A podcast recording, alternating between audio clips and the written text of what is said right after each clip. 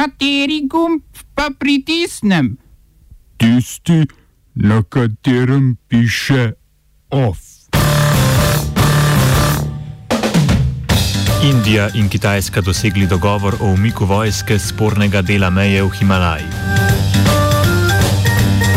V Srbiji prvi korak proti zakonu o istospolnih partnerskih zvezah. Sprejeto dopolnilo predloga zakona o demografskem skladu prinaša spremembe za STA.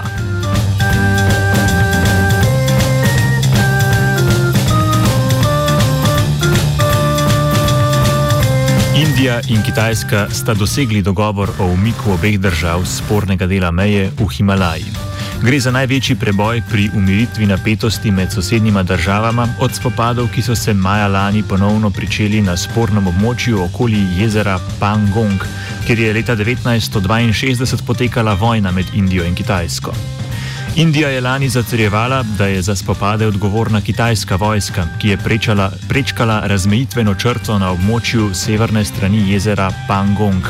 Indijski obrambni minister Rajnath Singh je dejal, da bodo napovedanemu umiku sledili vzajemni in medsebojni ukrepi. Ameriški predsednik Joe Biden je odobril sankcije proti mjanmarskim generalom odgovornim za državni udar. Sankcije so usmerjene v zamrznitev premoženja v višini milijarde ameriških dolarjev, ki ga ima mjanmarska vlada v Združenih državah Amerike.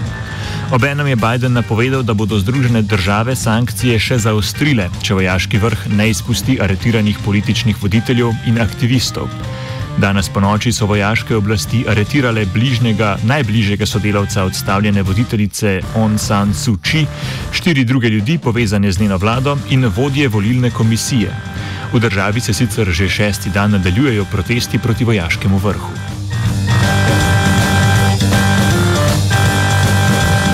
Ameriški predsednik Joe Biden je opravil tudi prvi pogovor s kitajskim predsednikom Xi Jinpingom.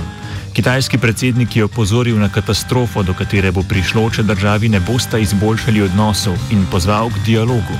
Njegov ameriški kolega pa je kot problematično izpostavil zlorabe človekovih pravic ter politiko do Hongkonga, Tajvana in Ujgurov.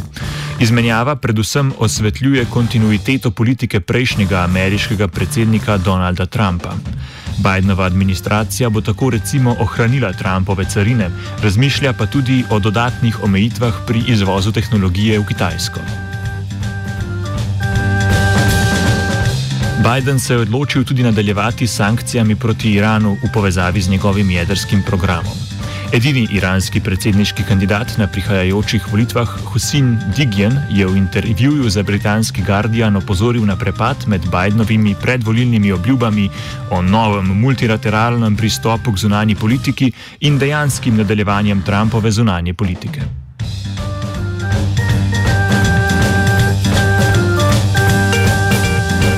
Amsterdam je prehitev London kot finančno središče Evrope. Prejšnji mesec je povprečni dnevni promet na treh največjih amsterdamskih borzah znašal 9,2 milijarde evrov, kar je več kot štirikratno povečanje od decembra lani. Medtem je vrednost prodanih delnic v Londonu padla na 8,6 milijarde evrov, s čimer je Združeno kraljestvo po brexitu izgubilo svojo zgodovinsko vlogo središča evropskega trga ter skoraj polovico poslovnih operacij bank in borznih posrednikov.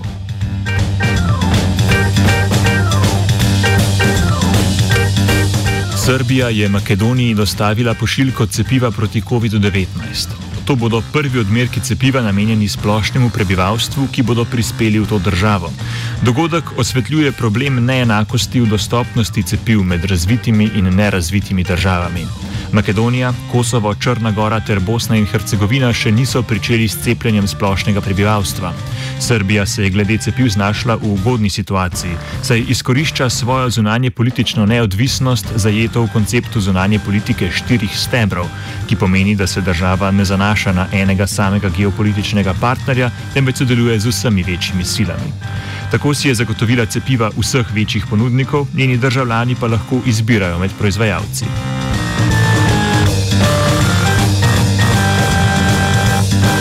Srpsko ministrstvo za človekove pravice, pravice manjšin in družbeni dialog je objavilo izhodišča za izdelavo zakona o istospolnih partnerskih zvezah. Srbija je s tem naredila prvi korak k zakonski ureditvi pravic istospolnih parov. Ministrica Gordana Čomič je hkrati pozvala k javni razpravi za izdelavo načrta zakona o istospolnih skupnostih.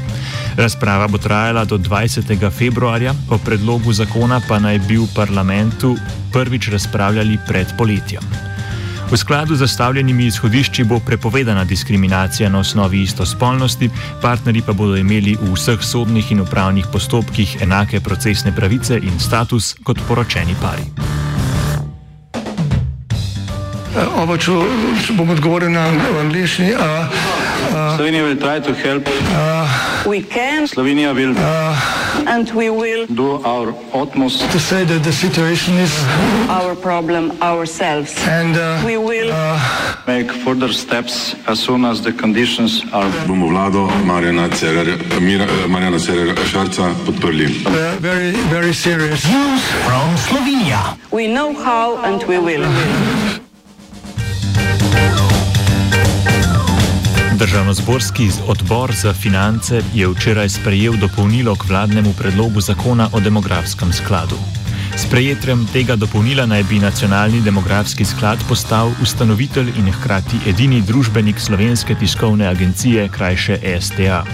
Do zdaj je bila to kot ustanoviteljica in edina družabnica družbenica določena Republika Slovenija, vlada pa je bila nosilka nalog in pristojnosti skupščine.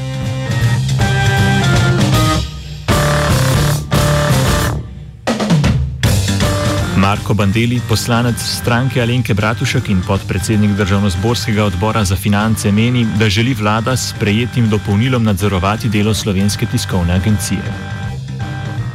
Ma to je zelo enostavno, pomeni, da ne bo več odvisen. Bo odvisen od tistega, ki ga bo nadziral, nadzirala ga bo vlada. Se pravi, bo moral na STA spet bo praktično pod vajeti uh, same vlade. Zdaj, vsakokratna vlada bo zahtevala določene reči. Jaz ne govorim zdaj slabo samo zaradi te vlade in te, ampak splošno, ne, tudi če pride drugačna vlada, bo nadzirala.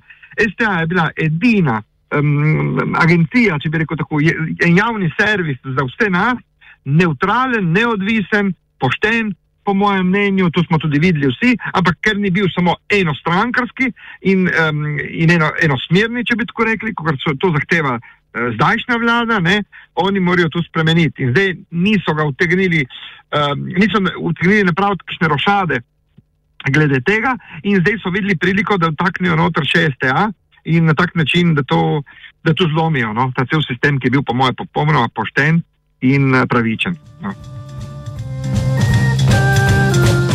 Odbor je ta predlog dopolnila sprejel na mesto prej predlaganega in na to umaknjenega predloga strank SDS, SMC in NSI, ki je med drugim predvideval spremembe zakonov o družbi slovenske železnice, kobilarni Lipica, uradnem listu Republike Slovenije in STA.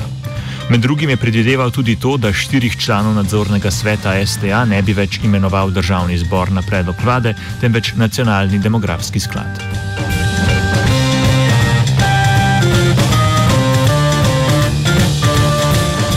OF sta pripravila vajenca Petar in Sara, mentoriral je Jure.